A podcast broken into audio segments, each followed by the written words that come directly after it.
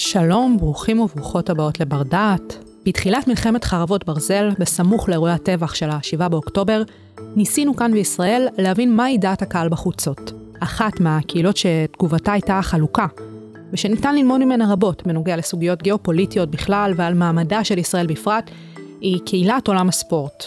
מי שיעזור לנו להבין טוב יותר את היחס של עולם הספורט למדינת ישראל בצל מלחמת חרבות ברזל ואירועי ה-7 באוקטובר, הוא דוקטור רודי בלנגה מהמחלקה ללימודי המזרח התיכון, מומחה לסוריה ומצרים וכדורגל במזרח התיכון. אהלן אודי. אהלן. אז פה עכשיו במערך הפודקאסטים של בר דעת, אנחנו מקליטים המון המון פרקים על המלחמה, על אירועי 7 באוקטובר, מהמון המון זוויות. והנה אנחנו כאן, יושבים באולפן, ומדברים על היחס של עולם הספורט לכל האירועים האלה. ויש מצב שאנחנו קצת מתבלבלים, שאנחנו לוקחים איזשהו נושא וקצת מנפחים אותו. מה אכפת לנו מעולם הספורט והיחס שלו אלינו? זו שאלה ממש ממש מרתקת, ואני מתלבט איך לתקוף אותה, כי... כי באמת מה אכפת לנו מה חושבים עלינו? אנחנו יכולים להגיד את זה אותו דבר אגב על, על ארגון האו"ם, ששם הדברים הם אה, על רמת ההזיה. אני אגיד ככה, יש את הדוגמה המפורסמת של מייקל ג'ורדן, שהיא שם בסוף שנות ה... אמצע שנות ה-90, שהוא כבר כוכב על ויש התמודדות אני לא זוכר אם זה היה לסנאט או לקונגרס, בין שני מועמדים שאחד הוא לבן גזען והשני הוא שחור. ופונים למייקל ג'ורדון ושואלים אותו למה אתה לא מביע תמיכה במתמודד השחור והוא אומר אני לא דמות פוליטית אני ספורטאי. אה, אני לא מוכן לקחת צד בוויכוח שהוא אה, פוליטי. ואז גם כעסו עליו מאוד כי הוא דמות לחיקוי הוא אדם הוא ספורטאי על. אה, אנשים מעריצים אותו והוא אמר אני לא נכנס לפוליטיקה, אני כן אתרום מאחורה, הוא תרם באמת כספים למתמודד אה, השחור, אבל אה, הוא לא מוכן להזדהות איתו. אני יכול להבין אותו, כי הרבה ספורטאים למעשה לא נוקטים עמדה, ואולי טוב שכך. עכשיו, אם עולם הספורט בכללותו לא היה נוקט עמדה אף פעם, אולי במקרים שהם באמת נדירים, אז היינו יכולים להגיד, אוקיי, אין לנו שום ציפייה, אנחנו לא אמורים אה, לגעת בנושא הזה בכלל. אבל מכיוון שספורט ופוליטיקה הולכים יד ביד, הולכים ביחד. בין אם זה כלי בידי האוהדים, בין אם זה כלי בידי המשטרים השונים, דמוקרטיים, דיקטטוריים, זה כרגע לא משנה. בגלל שאולימפיאדות הפכו להיות כלי פוליטי, בגלל שמונדיאלים, גם האחרון בקטאר, היה בסוף כלי פוליטי. אז כן צריך לדבר על הנושא הזה ולהקדיש לו זמן ומחשבה, ויש בו המון אמוציות, ולכן הנושא הוא נושא שבעיניי הוא חשוב.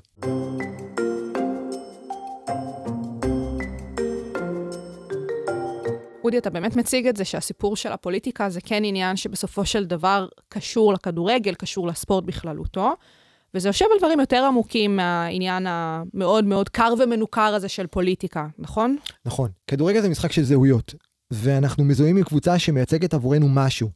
אה, היא בשבילנו אותו הדבר, אה, אה, היא חלק מאיתנו, אפשר לומר, יש כאלה שיגידו, חלק מה-DNA שלנו, ו... זה כמו שתשאלי אדם, אה, למה אתה אוהד בית"ר?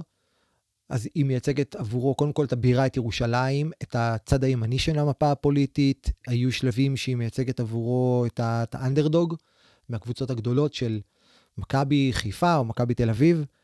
אה, יש את בני יהודה שמייצגת את השכונות, זאת אומרת, היא מגיעה, היא מגיעה מהשכונות של תל אביב. אז יש את הגדולות, יש את האחיות הגדולות, הפועל תל אביב ומכבי תל אביב, אבל היא מגיעה מהלמטה, באר שבע זה הפריפריה. יש כאן איזושהי ייצוגיות. מה את רואה במכבי תל אביב כאוהדת מכבי תל אביב? שזה משהו שמציג משהו הרבה יותר גדול ממני, איזושהי שייכות לקבוצה שהיא באמת מאוד יותר אה, אה, גדולה. אני אישית מאוד מתחברת לערכים של המועדון, לערכים של הבעלים. איזה ערכים ספציפית? כן. אני אישית, הסיפור של מכבי והטלאי אה, הצהוב, שזה מה שבעצם מייחד את הסמל של המועדון, אה, אז בתור אה, דור שלישי לשואה, אני מאוד מאוד מתחברת לעניין הזה, לסמל, ממש הסמל של המועדון, שמאוד מתחבר לזהות שלי בתור מי שגדלה בצל השואה. בדיוק. אז, אז הסיפור הזה לגמרי איתי. זהו, זו, זו, זה הרעיון. בכל קבוצה יכולה למצוא את, ה, את הסמל אה, שנמצא בתוך הסמל, את הרעיון שמוביל אותה. ו... אפשר לראות, לראות את זה בכל הקבוצות בארץ, בין אם זה הבולגרים של יפו, אה, או קבוצות אחרות, אה, רמת עמידר שהייתה, אני מגיע מפתח תקווה, אז קבוצות של השכונות, הפועל מחנה יהודה, ברזיל הקטנה, מה שהיה כאן, אפשר לראות את זה בכל מיני מקומות. ואני רוצה, אני רוצה לקחת אותך לסיפור דווקא מהליגה האנגלית, שבאמת ממחיש עד כמה גם מועדונים גדולים, יש להם בסוף את הזהות, יש להם את השורשים שמשם הקבוצה צומחת. ויש סרט מעולה על אה, אלכס פרגסון, סר אלכס פרגסון, אה, לשעבר המאמן אה, של מנצ'סטר יונייטד, שהוא מספר על עצמו, הוא מספר על הילדות שלו. והוא מספר שאימא שלו פעם לקחה אותו בעגלה לטיול בפארק בגלסגו, ומולם הייתה מספנה ענקית, הוא אומר גרנו בצילה, והוא ממשיך לספר שאבא שלו עבד במספנה הזו במשך 40 שנה, ועבורו, ואני חושב שעבור כל אוהד כדורגל, הדברים שאני מיד אצטט מסמלים משהו שהוא מאוד עוצמתי. הוא אומר ההיסטוריה מוטמעת בך. וכשהוא אומר את זה הוא מתכוון למקום שממנו באת. אז אה, הוא אומר בסרט, כמאמן שכבתי במיטה וחשבתי על הנושאים שאדבר עליהם עם השחקנים, שישאירו עליהם רושם. אז סירלקס מספר על השיחות, ש... שיחות המוטיבציה שהוא חשב לקיים עם השחקנים שלו לפני משחקים חשובים, או אחרי איזשהו אימון אה, אה, מאוד מאוד חשוב. והוא אומר ככה, דיברתי על קוראים, עובדי מספנות, רתכים, יצרני כלים, אנשים ממשפחות עניות. ושאלתי אותם, את השחקנים, במה עבד סבא שלך? במה עבד אבא שלך? רציתי לגרום להם להרגיש שהעבודה של הסבים והסבתות שלהם היא חלק מהם, שהם צריכים להציג את המשמעות הזאת. ואז הוא אומר משהו אה, אה, אדיר בעיניי, באמת, אה, אני אוהד יונייטד, יש לי קצת צמרמורת שאני אה, מדבר על זה, אז בלי קשר לכל התארים שזכיתי בהם, אומר סר אלכס, ולשחקנים המצוינים שהיו לי. אני חושב שבחיים, העובדה שהמקום שממנו באנו הוא חשוב. אתה מגיע עם זהות. I'm come from govern, I'm a govern boy. אני מגיע מגוון, אני ילד, יליד, גוון. אה, ולמעשה המטרה שלו כמאמן הייתה לגבש את השחקנים, לתת להם אה, זהות. יותר מזה, אפילו לתת לזהות שלהם מקום בולט ולתת להם אה, משמעות. ובאמת, בכל מקום אה, בעולם, מועדוני ספורט נולדו מנאמנות למעגלים מסוימים, אה, מעגלים שממנו, מאותו המקום הם צמחו. אנחנו מדברים על הנאמנות למשפחה, אה, אם אנחנו מדברים על אזורים באפריקה או במזרח התיכון, אז שבט. יש לנו אה, מועדונים שצמחו מתוך עדה, עם נאמנות לדת, ללאום, קטלונים לדוגמה. וזה באמת, כמו שאתה מתאר את זה, Worldwide. זאת אומרת, בדיוק. העניין כאן הוא לא משהו ייחודי לקבוצות מסוימות. זה העניין ב- בסיפור המועדונים. אנחנו ספציפית מדברים על כדורגל, נכון. זה כמובן נכון אה, בהקשרים יותר רחבים של כל מיני ענפי ספורט, אבל המילה כאן והעיקרון זה עניין הזהות. זה הופך את הכדורגל, את הספורט, שוב, למשהו הרבה יותר רגשי, והרגשות האלה הם באים לידי ביטוי גם ב, על, על הפיץ', על, על קר הדשא או ב, ב, במגרש, וזה אה, יכול להיות גם שדה קרב, זה לא רק שדה משחק, זה גם שדה קרב.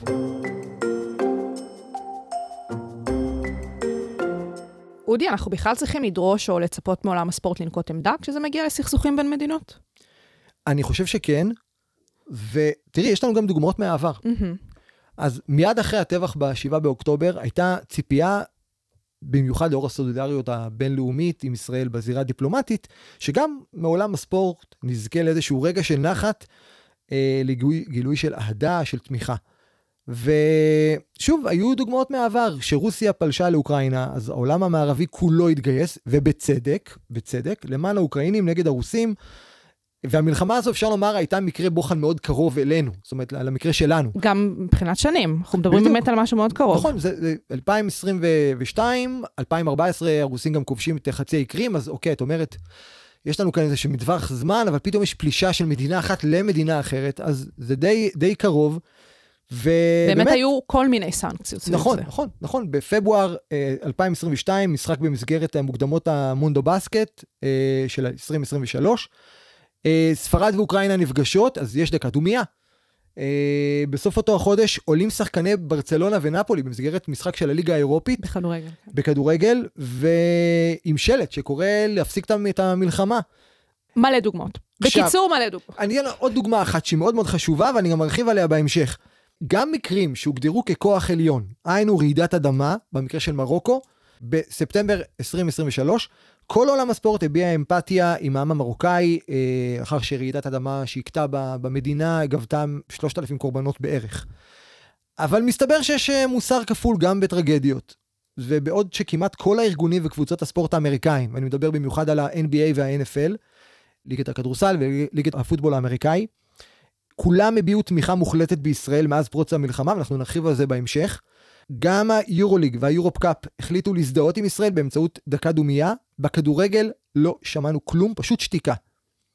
עכשיו, זה לא שוופא הייתה מנותקת מהמצב. הארגון הוציא הודעה לקונית על דחיית משחקי הנבחרת הלאומית במסגרת הקמפיין של יורו 2024, עקב, אני מצטט, המצב הביטחוני בישראל. זאת אומרת, וופא ידעה מה קורה כאן. אבל מעבר לזה, שום דבר. לא השתתפות בצער, לא הבעת תנחומים, לא גינוי של החמאס. ולהזכיר לכולם, ישראל מדינה שחברה בוופא. למה חשוב לציין את זה? כי אחרי רעידת האדמה במרוקו, מדינה שלא קשורה לוופא, הארגון תוך כמה שעות פרסם הודעת תנחומים, שבין היתר נאמר בה, ואני מצטט, שקורבנות הטרגדיה במרוקו יצוינו בכל משחקי הנבחרות הקרובים. ב-14 ביולי 2016, יום הבסטיליה, יום העצמאות הצרפתי, נהרגו 86 בני אדם בפיגוע דריסה בניס. המחבל, אגב, היה אזרח צרפתי ממוצא טוניסאי. עכשיו, לא מדובר היה בהתקפת טרור משולבת והרסנית, למרות התוצאות הקשות. זה לא היה זה אותה... בודד, מה נכון, שנקרא. נכון, זה מפגע בודד. אגב, דאעש לקחו על זה אה, אחריות, אבל לא בדיוק היה ברור מה מידת הקשר של אותו מחבל עם דאעש. גם במקרה הזה, הודעות תנחומים נשלחו מיידית לעם הצרפתי. ואני מחזיר אותנו חזרה לפלישה הרוסית לאוקראינה, אז כאן, שוב, וופא ופיפ"א נוקטות עמדה מאוד מאוד נחרצת נגד הרוסים. אה, זאת אומרת. יש לנו דוגמאות לכך שהפדרציות האלה יודעות. יודעות לקחת עמדה ממש. בצורה מאוד ברורה, אה, אה, בלי הרבה התלבטויות, והם גם מוציאים הודעה שהיא חשובה, צריך להבין. הכדורגל כולו מאוחד ומביע סולידריות כלפי הנפגעים באוקראינה. אבל מה שהכי מקומם הייתה הודעה של נשיא פיפ"א ג'יאני אינפנטינו בתשעה באוקטובר, אה, אנחנו אל תוך המלחמה בעזה. באמת, יומיים אחרי הטבח המזעזע, וההודעה שלו היא ביחס ללא אחר מאשר רעידת האדמה שהכתה את אה, אפגניסטן. עכשיו תקשיבי לזה, אפגניסטן. בשם קהילת הכדורגל העולמית, אני רוצה להביע את תנחומיי העמוקים למשפחות ולחברים של אלה שאיבדו את חייהם ברעידת האדמה באפגניסטן. מחשבותינו ותפילותינו עם הקורבנות ועם אלו שנפצעו בטרגדיה הזו. אנחנו גם רוצים להביע את הסולידריות והתמיכה שלנו לתושבי אפגניסטן בתקופה נוראית זו. איפה אפגניסטן, איפה ישראל? זה התשעה באוקטובר, יומיים אחרי ש-1,200, 1,300 בני אדם נטבחו, ילדים, נשים, גברים, מבוגרים. כן, אבל יש פה גם באמת איזושהי נקודה שהרבה יותר קל להתייחס לאירועים כאלו, של באמת אסון טבע. מאשר להתייחס לאירועים שהם סכסוכים, ועוד סכסוך מתמשך וכל כך מורכב כמו במזרח התיכון. אני מסכים עם מה שאת אומרת, אילולא פיפ"א ואופ"א התייחסו למקרה של רוסיה ואוקראינה. זאת אומרת, נכון, יש פה אה, כוח עליון, אבל אפגניסטן לא חברה באופ"א. אני באמת, אה, עם כל הכבוד לאינפנטינו, תזדהה איתם. בסדר גמור. אה, צריך להזדהות, אם אפשר גם לשלוח כסף ולעזור לשיקום ולתת משהו לילדים ש... קראה להם הטרגדיה הזאת, אז בסדר, אבל פה ארגון טרור אה, שחט ילדים קטנים, אוהדי כדורגל, משפחות שלמות נטבחו בטבח המזעזע הזה, וכלום, פשוט כלום. ורק נציין שבאמת אינפנטינו, הוא לא נעלם מהעולם, זאת אומרת, הוא היה אורח כבוד בגרנד פרי של קטאר במסגרת סבב הפורמולה אחת יום קודם לכן. הוא שחרר ברכות ל, אה, לרוננדו הברזילאי אה, לרגל חתונתו, הוא גם היה, הוא התארח שם, אז הוא פעיל ברשת. הוא, הוא, יש לך טוויטר, אתה רואה חדשות, תוציא הודעה גם כלפי ישראל. ומה שהכי מעצבן, זה שב-17 באוקטובר, עשרה ימים אחרי הטבח הנורא, הודיעה הוופא על דקת דומייה לזכרם של שני אוהדים שוודים שנרצחו בפיגוע טרור בבריסל, משחק שהתקיים בין שוודיה לבלגיה. במוקדמות אה, יורו 2024. נכון, ולא שמענו כלום, גם לא מפיפ"א, אה, גם לא מוופ"א, על הטבח של 1,300 בני אדם בישראל. כנראה ששני שוודים שווים, אה, שווים יותר.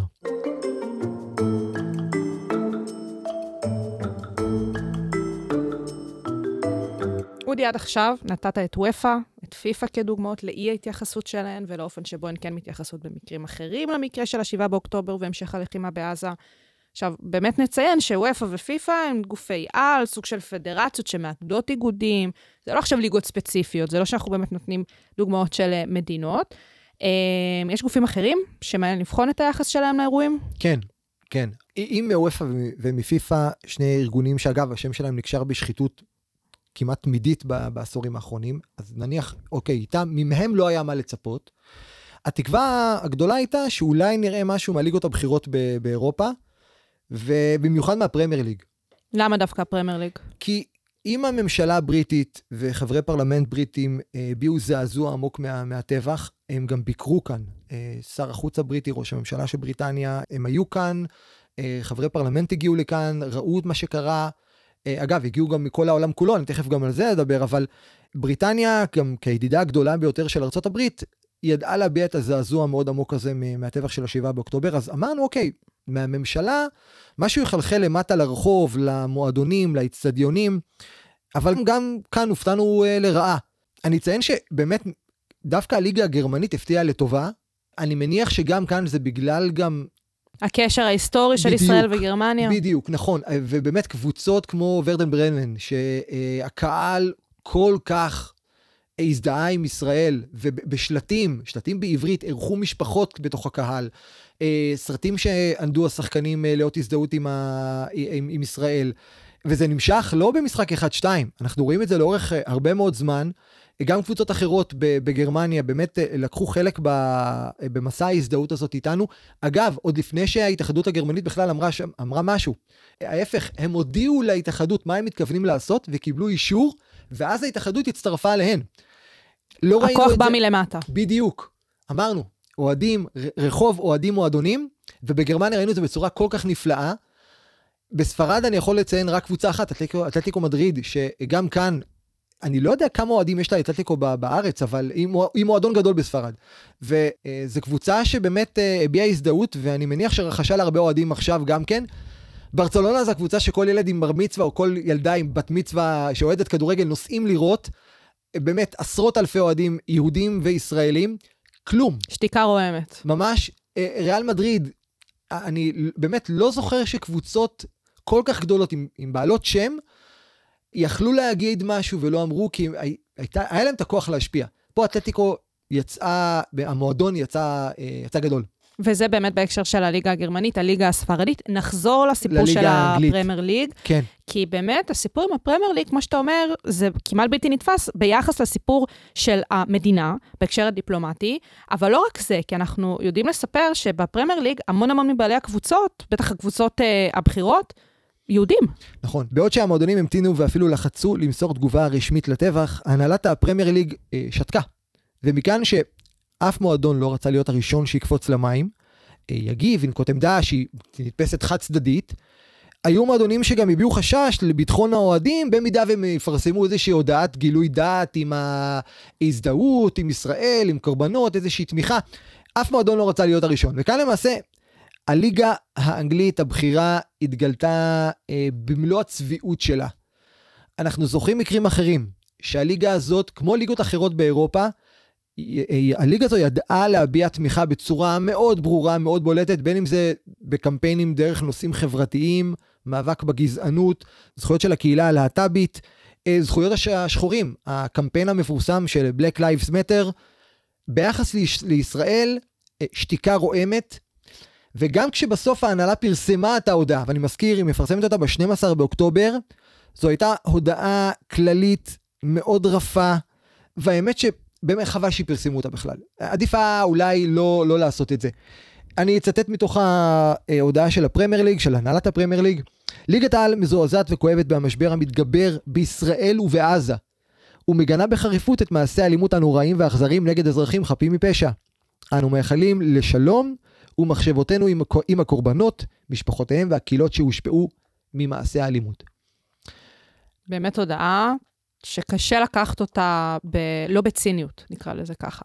תראי, היא, היא מדברת על אלימות משני הצדדים, כאילו ישראל היא הצד התוקפן פה, היא מדברת על קורבנות משני הצדדים, היא למעשה עושה השוואה בין אה, מה שקורה בעזה לבין מה שקרה פה בישראל, בין האזרחים אה, נרצחו במיטה שלהם, לבין איזה ישראל שיצאה למבצע נגד ארגון טרור שאף פועל מתוך אוכלוסייה אזרחית בשביל שהיא תיפגע בכוונה, יש פה בכוונת מכוון. עכשיו במסגרת הבעת הצער אה, הודיעה ההנהלה על כך שבמחזורי הליגה של ה-21 עד ה-23 באוקטובר השחקנים יעמדו סרטים שחורים, יעמדו דקה דומייה, שוב מתוך כבוד לקורבנות. מי הקורבן? מי התוקפן? מי התחיל את המלחמה הזו? יש פה ארגון טרור שמעורב? כלום. ומה שמעצבן הוא שיש באמת השוואה בין פעולות צה"ל לבין פעולות חמאס. והנהלת הפרמייר ליג בחרה להעלים עין, לא לקחת צד. אז כשאנחנו נכנסים עמוק לתוך האירוע, אל תוך המלחמה, ובינתיים אף מועדון לא מוציא איזושהי הודעה, כולם מחכים להודעה כללית, שיצאה במקרה הזה גם פרווה, התסכול רק הולך וגודל. משום שהיו מועדונים שגם אסרו להכניס דגלי ישראל לאצטדיונים, או שלטים עם סממנים יהודים, נגיד מגן דוד למשל, אבל אף אחד לא עצר הכנסה של דגלי אש"ף, או שרט, אה, שלטים שקראו לסייע לפלסטינים בעזה. וזאת למרות שיצאה הודעה של הפרמייר ליג למועדונים שהיא אוסרת להכניס גם דגלי פלסטין וגם אה, דגלי ישראל.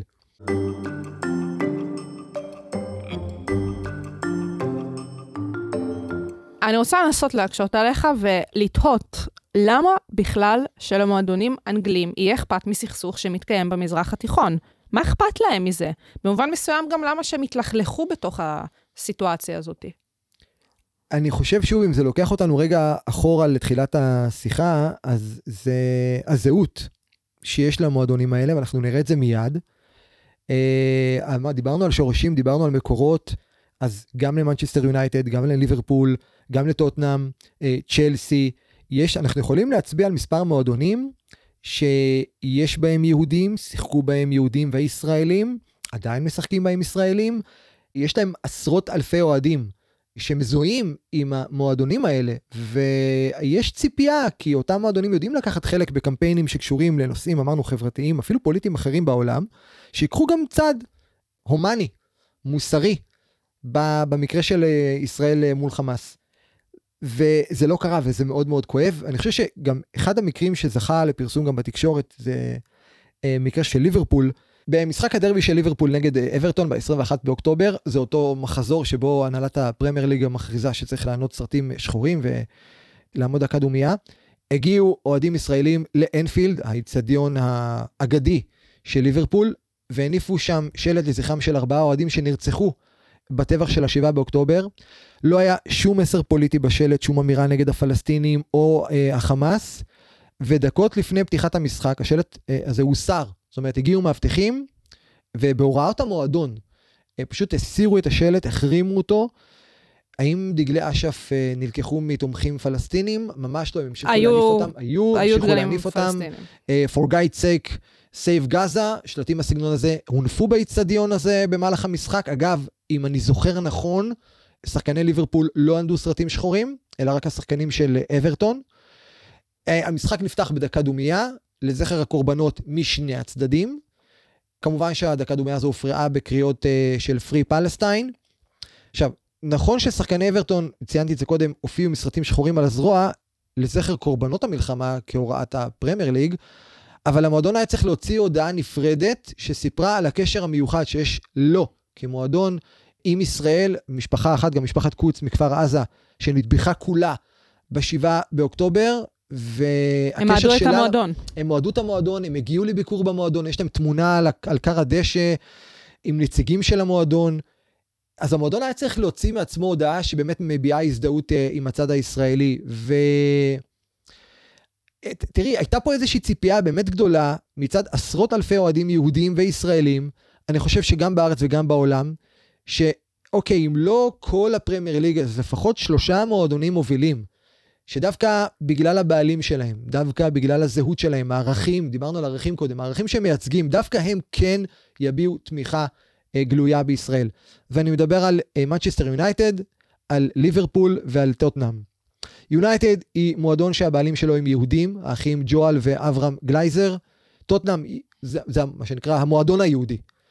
אה, וליברפול אה, זוכה לאהדה עצומה בישראל, כמובן שגם לא מעט שחקנים ישראלים שיחקו לאורך כל ההיסטוריה של המועדון הזה, אבי כהן, רוני רוזנטל, יוסי בניון, ובאמת בפועל לא שמענו מההנהלות של שלושת המועדונים הגדולים הללו שום הודעת גינוי, שום מבט אמפתיה אה, לאור הטבח אה, של השבעה באוקטובר.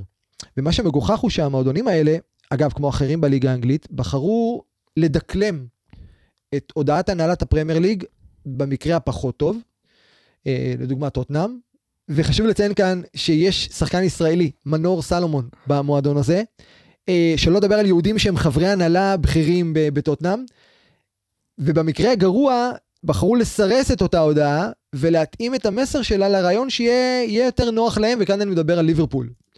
שזה המועדון שהמילים הידועות מתוך השיר אה, You'll never walk alone, מכוונות כנראה לא לקהל הישראלי, אלא לכל קהל אחר.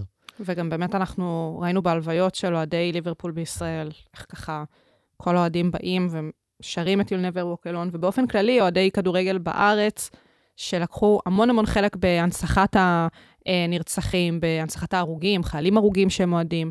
פשוט התרגום המילולי של לעולם לא תצעד או לעולם לא תצעדי לבד. נכון. אה, זה באמת איזשהו משפט שכמו שאתה אומר, לקוח מהמוטו של אוהדי ליברפול, אבל הוא אוניברסלי לכל אוהדי הכדורגל. לחלוטין. אנחנו רואים את זה באהדה, בקשר, בחיבור שיש לאוהד עם אוהד, ולא משנה מאיזה אזור הוא מגיע בארץ, אה, הוא יבוא להלוויה, הוא יכבד אותו.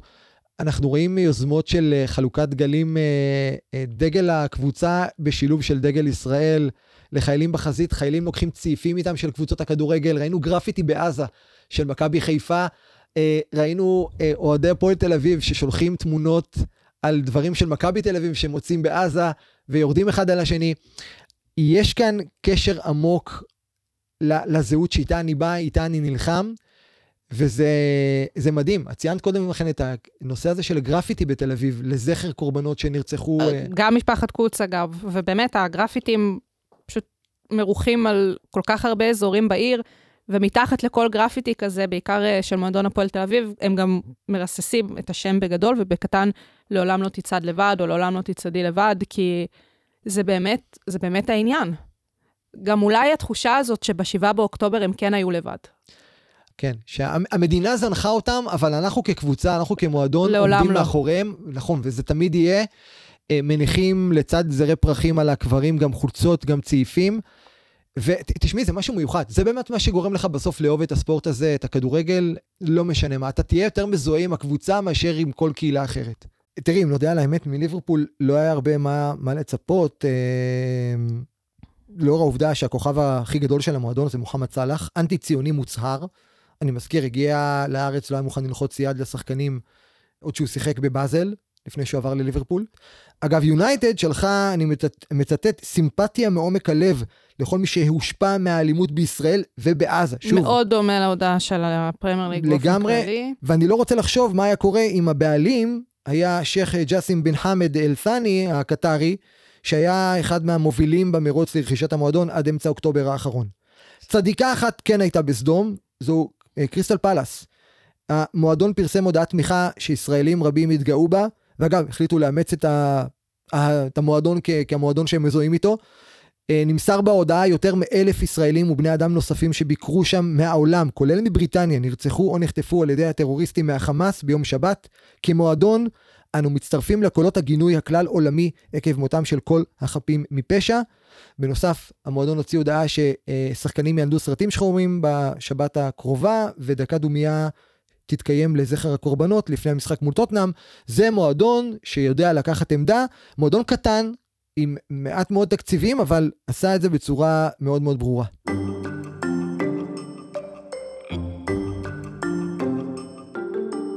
אודי, למה יש קשר שתיקה? אתה ממש מציג קשר שתיקה פה בין המועדונים הגדולים, עם קשר, בלי קשר לזהות יהודית, לזהות ישראלית, בין זה שהם לא פוצעים פה. למה משפחת הכדורגל, נקרא לזה ככה, לא הוציאה הודעת גינוי ברורה, או הודעת תמיכה בישראל? ולא רק זה, הם מאפשרים אה, דברים בעד אה, פלסטין, בעד עזה, בעד חמאס. שאלה מעולה, וזה מתחבר להרבה דברים שדיברנו עליהם במהלך השיחה היום. כמובן, מדובר רבות על כך שמדינות ערב, במיוחד קטאר וסעודיה, מזרימות סכומי עתק לכדורגל העולמי ובפרט הכדורגל האירופי. רק נזכיר שהמונדיאל האחרון התקיים בקטאר, שמחזיקה בבעלות על המועדון הכדורגל המפואר פריס סן ג'רמן. בדומה לסעודיה, תארח את המונדיאל ב-2034, והיא גם כמובן מחזיקה בבעלות על מועדון ניוקאסל האנגלי, ש-MBS, יורש היצר הסעודי, דחף לקנות את המועדון הזה ונלחם, כי לא כולם קיבלו את העסקה הזו, נלחם אבל בשביל להוציא את העסקה הזו לפועל. וחשוב לציין שהמועדון התעלם לחלוטין מהטבח. גם אגב מההודעה של הפרמייר ליג. התעלמות שהיא נקיטת עמדה, זאת אומרת, זה לא איזושהי עצמת עיניים, לא ראינו כלום. בשתיקה הייתה פה אה, לקיחת עמדה של דווקא חוסר תגובה, כי אני מזוהה עם הפלסטינים, אותו דבר גם קטאר. ואם אני מזכיר למאזינים, שוב, אינפנטינו התארח בגרנד פרי בקטאר, אורח כבוד שם. הקשר שלו עם המדינה הזאת הולך אחורה עוד לפני שבכלל היא נבחרה אה, אה, לארח את המונדיאל. וזה, כן, הכסף מעורב בפוליטיקה, וזה למעשה מצריך ממך לא לנקוט עמדה בנושאים שאתה עלול להיפגע מהם, או הכדורגל, המעטפת הכלכלית של כדורגל יכולה להיפגע מהם. מועדונים נוספים שהקשר שלהם למדינות העשירות הערביות, ש... מצדיקות או לא מצדיקות, או משתפות פעולה, או מחזקות את התקיפה ב-7 באוקטובר, משהו שאנחנו יכולים ללמוד מזה. תראי, גם מנצ'סטר סיטי, לא, לא שמענו ממנה איזושהי הודעה, הודעת גינוי, היא מקבוצות הכדורגל שלמעשה לקחו את עמדת הפרווה, אם לא גרוע מזה. הייתי מצפה מפפ, כמי שמזוהה מאוד... עם המאבק הקטלני. בדיוק, הוא כל כך מדבר לאומי, וכל כך מזוהה עם, עם מיעוטים ועם ה, עם הנפגעים. הייתי מצפה ממנו דווקא כן לקחת איזושהי יוזמה, וכמאמן כל כך בולט, ואחד מהגדולים שהיו אה, אי פעם, לומר משהו להרבה אוהדי כדורגל של הסיטי בארץ, להביע איזושהי הזדהות, אבל זה לא קורה. זה לא, לא, אי אפשר לצפות שזה יקרה, כי מנצ'סטר סיטי נמצאת בבעלות של שייחים מאבו דאבי, זה כבר יותר מעשור. הדבר הזה משפיע המון על ההתנהלות של המועדון. יש אומנם נורמליזציה ביחסים שבין האמירויות לישראל, אבל איחוד האמירויות לא יכול להרשות לעצמו לקחת חלק בצד הנכון במלחמה הזו, כלומר בישראל, נוכח מתקפת הטרור, כי זה מבחינתו יהיה איזשהו אה, קו פוליטי שהוא חוצה אותו, קו אחד יותר מדי. ואם אנחנו מסתכלים על ליגות אחרות, לא על הפרמייר ליג והקשר שלהן אה, באמת לכל האמירויות או למפרציות, כל הכסף הערבי. אז דיברנו קודם לכן על גרמניה וספרד, ששם באמת, אפשר לומר כמעט כל הליגה הגרמנית ידעה לנקוט עמדה מאוד ברורה לטובת ישראל. אז ציינו קודם לכן את uh, אתלטיקו מדריד והקשר שלה באמת uh, uh, לישראל, מבחינת ההזדהות שלה עם ישראל. אם אני הולך רגע מאתלטיקו מדריד לריאל מדריד, בדרבי של מדריד, גם ריאל מדריד בסוף מקבלת כספים מהאיחוד האמירויות באמצע אוקטובר 2022 אה, חודש הסכם החסות של חברת אה, התעופה אמרייטס עד 2026. חברת התעופה האמירתית כאמור. העיתון הספורט הספרדי, המרקה, העריך את שווי העסקה ב-70 מיליון אירו לשנה. וזה עוד עם תוספות שיגיעו אחר כך. בוודאי. והסכם החסות בין המועדון המפואר הזה, שנה אגב קודם לכן זכה באליפות ספרד, עם חברת התעופה מהטובות והמובילות בעולם, זה הסכם שהוא כבר נמשך עשור. הלוגו של חברת התעופה אה, מתנוסס. מתנוסס על החולצות של שחקני ריאל מדריד מאז 2013. ואגב, אה, חברת התעופה הזו הפכה לראשונה לספונסרית העולמית של ריאל מדריד ב-2011. זאת אומרת, רומן ארוך ימים. יש לנו כאן קשר כלכלי עמוק. אם ריאל מדריד תיקח צעד מאוד ברור במאבק כאן זה עלול לפגוע בכלכלה של המועדון עצמו. אגב, שינויים פוליטיים בספרד, אה, ספרד הולכת שמאלה ושמאלה רדיקלי, מה שמשפיע על קבלת ההחלטות בממשלה הספרדית, הממשלה הנוכחית שהיא הרבה יותר פרו-פלסטינית, וישראל uh, פשוט נדחקת הצידה מהבחינה, מהבחינה של היחסים שלה מול, מול ספרד, וזה עצוב. הליגה האחרונה זו הליגה הצרפתית, שם באמת אין הרבה מה... לא, לא היו ציפויות גדולות נוכח באמת האסלאם הגואה בצרפת ומהומות שהצרפתים אה, צריכים אה, לדכא מדי פעם אה, בהתפרצויות אלימות של תושבים מוסלמים. אבל שוב, דיברנו על זה קודם, נאסר אל-חליפי, הבעלים של פריס סן ג'רמן, עם הון של שישה וחצי מיליארד פאונד. אל-חליפי משמש כיושב ראש ההשקעות ספורט בקטאר, כלומר QSI, Qatar Sports Investment, מיוני 2011. QSI היא קרן המוקדשת להשקעות בענף הספורט והפנאי ברמה הלאומית והבינלאומית, ואחרי שהקרן הזו רוכשת את המועדון אה, פריס סן ג'רמן ביוני 11, אל חליפי הופך להיות יושב ראש הדירקטוריון של פריס סן ג'רמן, וגם למנכ"ל המועדון. בכל מקרה, QSI, יש לה עוד כל מיני שותפויות בעלות פרופיל גבוה גם בצרפת, גם, אה, גם מחוצה לה, הם נותנים אה, חסות למועדון הכדורגל ברצלונה, כך ששוב אנחנו רואים איך, איך כסף, כסף עלול לשנות זהות. זאת אומרת, הכסף הגדול שמושקע במועדונים האלה, שבעבר הייתה להם את הזהות, זה עלול לפגוע בשורשים של המועדון. באוהד הקטן שהתחבר ליונייטד כי זה מועדון פועלים, או התחבר למרסיי, כי זה, היא היריבה הגדולה של, של פסאז'. בקיצור, הכסף הגדול משנה ועלול עוד לשנות זהויות של מועדונים. אנחנו רואים את זה היום, ו... וזה חבל, אני מקווה מאוד שזה לא יקרה.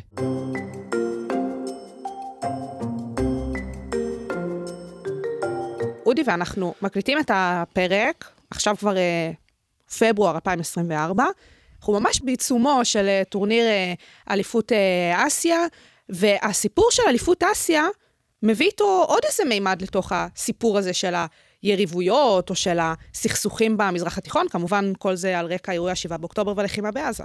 זהו, מימד פוליטי, נכון. גביע אסיה לאומות 2024 יצא לדרך אה, בקטאר, ואם אנחנו כמובן זוכרים את ההפקה המרהיבה של המונדיאל, בהחלט אה, אפשר היה לנבא שיהיה לנו טורניר אה, מרתק. וגם כאן, כמו שהמונדיאל ב-2022 סביב קטאר היה מונדיאל פוליטי. עצם האירוח של קטאר, מדינה שהיא תומכת טרור, מדינה שזכויות אדם זה ממנה והלאה, אז גם כאן הטורניר הזה נקשר עם פוליטיקה. קטאר רצתה עוד פעם להציב את העולם הערבי בכלל ואת עצמה, בפרט במרכז הספורט העולמי, ואת גביע אסיה, לעשות שימוש בגביע אסיה גם להיבטים פוליטיים. ושוב, זה מראה לנו עד כמה באמת הון פוליטי וכדורגל הולכים ביחד, כשהמצב במזרח התיכון לא שונה משאר העולם. שגם כאן המנהיגים הקטרים כמו מנהיגים אחרים פשוט משתמשים בזירה הספורטיבית לצבירת הון בזירה הפוליטית. אז אה, איפה ראינו את זה? ראינו את זה גם במגרשים, ותכף ניכנס לזה בהרחבה, אה, וגם ביציעים, אה, שלטים, דגלים, שירים של אוהדים, כאפיות. ששחקנים עטו ואוהדים הניפו גם ביציעים כדי להזדהות עם האוכלוסייה בעזה, עם השחקנים הפלסטינים.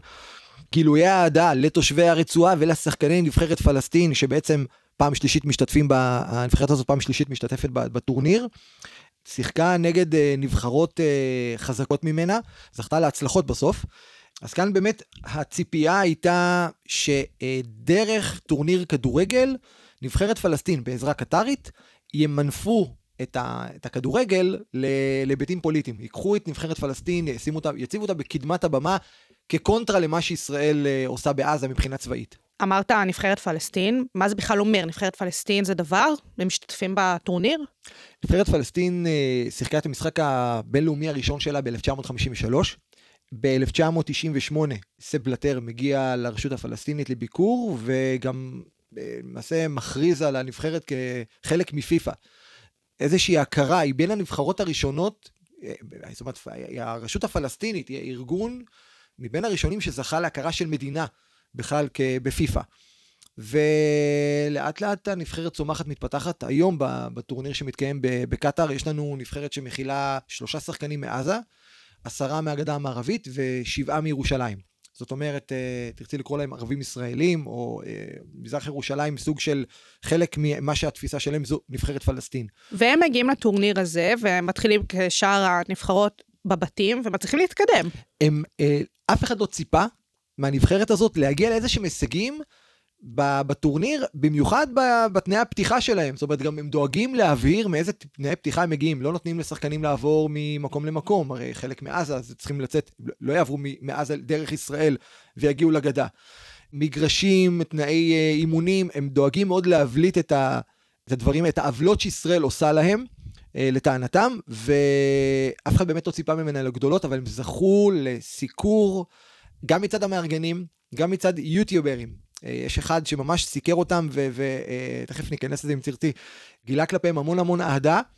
אה, נחשבת לנבחרת מאוד חלשה, בבית שלה היא שובצה יחד עם איראן, איחוד האמירויות והונג קונג.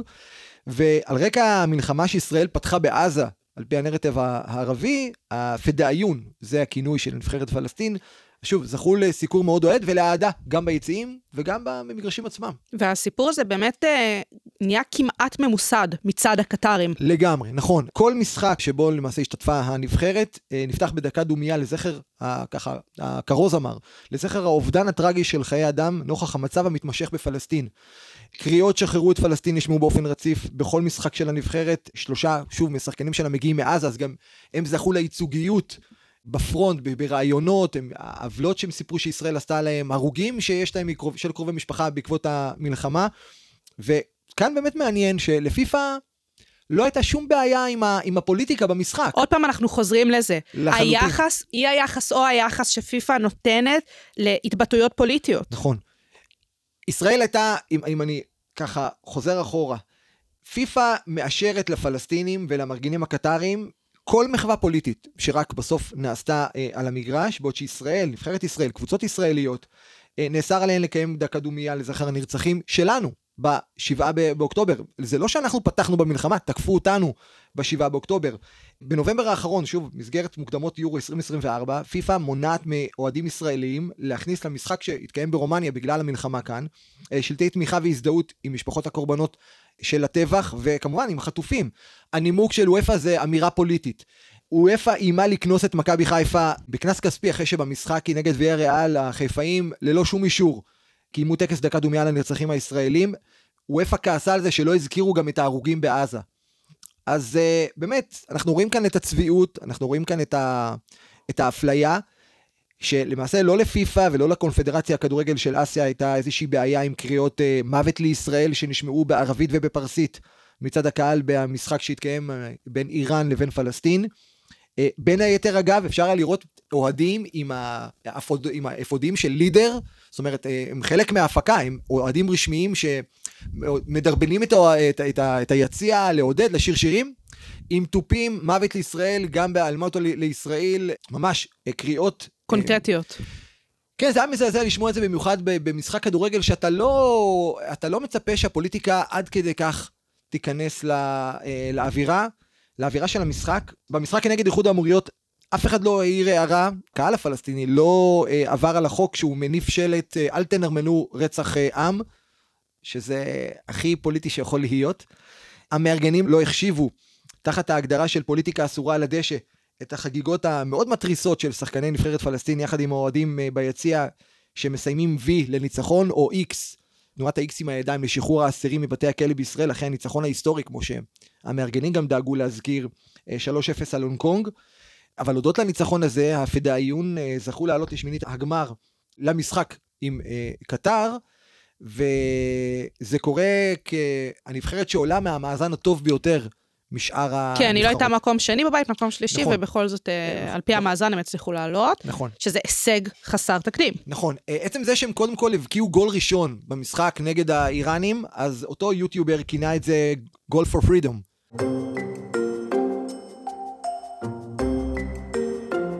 ועם כל הכבוד לפלסטין, לנבחרת אה, של פלסטין, אני חושבת שאולי כדאי לתת איזשהו דגש ואיזושהי באמת זווית מיקרו קצת יותר מעמיקה על המערכת, על קטאר, שכולנו כבר מצליחים להבין את החשיבות והמשמעות שלה בתוך הדבר הזה שנקרא מלחמת חרבות ברזל ואירועי ה-7 באוקטובר, וזה שהיא המארחת של הטורניר, תוך כל הסיטואציה הבאמת מורכבת הזאת, יש לה תפקיד מאוד מאוד משמעותי. נכון.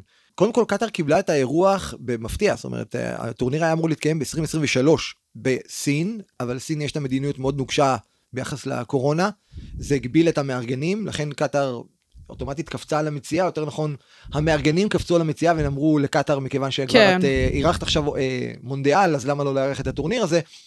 אז קטאר היא לא רק המארחת, אלא גם המחזיקה של גביע אסיה מ-2019, והיא מאוד מעוניינת, שוב, פוליטיקה, כדורגל, זה גאווה לאומית, זה שם אותך במרכז, היא מאוד מעוניינת להיות הנבחרת הראשונה מאז יפן 2004, שגם מצליחה להגן על התואר. ככה היא מגיעה לטורניר הזה בנקודת הפתיחה, ומה היא עושה סביב הארגון שלה וסביב המעורבות שלה בתוך הסכסוך אה, על רקע המלחמה? אז אה, מבחינת הארגון, כמו שהזכרתי קודם לכן, הקטרים נותנים במה מאוד גדולה גם לאוהדים הפלסטינים, שמגיעים, ככה מציגים אותם מרחבי העולם, נותנים במה בראיונות, בסיקור תקשורתי, בטוויטר, שממש מראים לך בסיקור של החדשות, של הספורט, מראים לך איך, איזה גילויי אהדה זוכים להם נבחרת פלסטין. מצד אוהדים, שוב, מאסיה, מאפריקה, פה מפלסטין, כלפי ההצלחות של הנבחרת. איראן היא הבולטת במיוחד בהקשר הזה. וקטר כנבחרת עולה מהמקום הראשון בבית אחרי שלושה ניצחונות, היא לא סופגת אף שער. ומכאן שבהסתכלות על הנייר, שמגיעים לקרב שמינית הגמר, קטר ופלסטין, אז uh, ברור שלנבחרת פלסטין אין הרבה סיכוי כאן, והמוקד, היה גם ברור שהמוקד יהיה פוליטיקה ולאו דווקא כדורגל. אנחנו רואים שבאמת, איך גם הטורניר הזה, uh, שאמור להיות uh, ספורט לחלוטין, ספורטיבי לחלוטין, כן. uh, גם מבחינת ההתייחסות של האוהדים, גם מבחינת ההתייחסות של המארגנים, בוודאי של השחקנים עצמם, זה לא רק כדורגל, זה גם הרבה פוליטיקה. קטאר ממש מינפה את כל האירוע אפשר לראות את זה בצורה מאוד מאוד ברורה, להיבט של המעמד שפלסטין מגיעה אליו, מבחינה, מבחינת המעמד הספורטיבי, להעלות את המודעות לה, של המצב בפלסטין, של המלחמה אה, בעזה, נתנה לזה סיקור תקשורתי, נתן לקהל להביע את דעתו בכל האמצעים האפשריים, מבלי שאף אחד יגיד רגע סטופ, אה, יש גם צד שני, יש את הנרטיב גם של הצד השני, צריכים להבין מה מתרחש כאן. והמסגור של האירוע היה כל כך חד צדדי, אבל שוב, זה קטאר.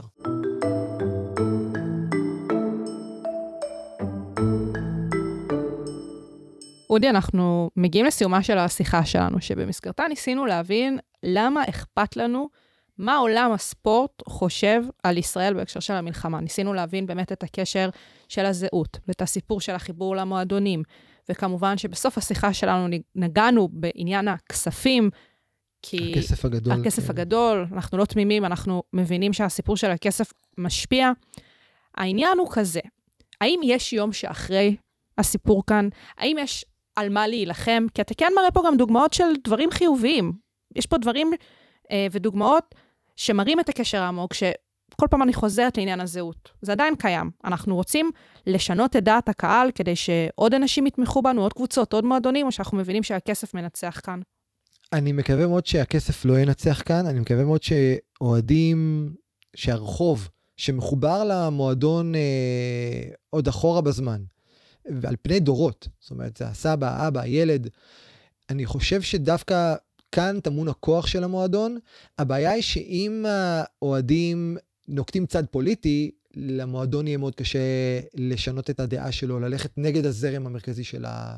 של הרחוב. אז העניין הוא פה אולי לנסות לשכנע את הרחוב לפני שאנחנו משכנעים את המועדונים, כי דיברנו מקודם על הדוגמה הבריטית עם זה שהפרלמנט מאוד תומך בנו, ובאמת סיפור הדיפלומטי מצליח, אבל המועדונים בסופו של דבר פועלים אחרת.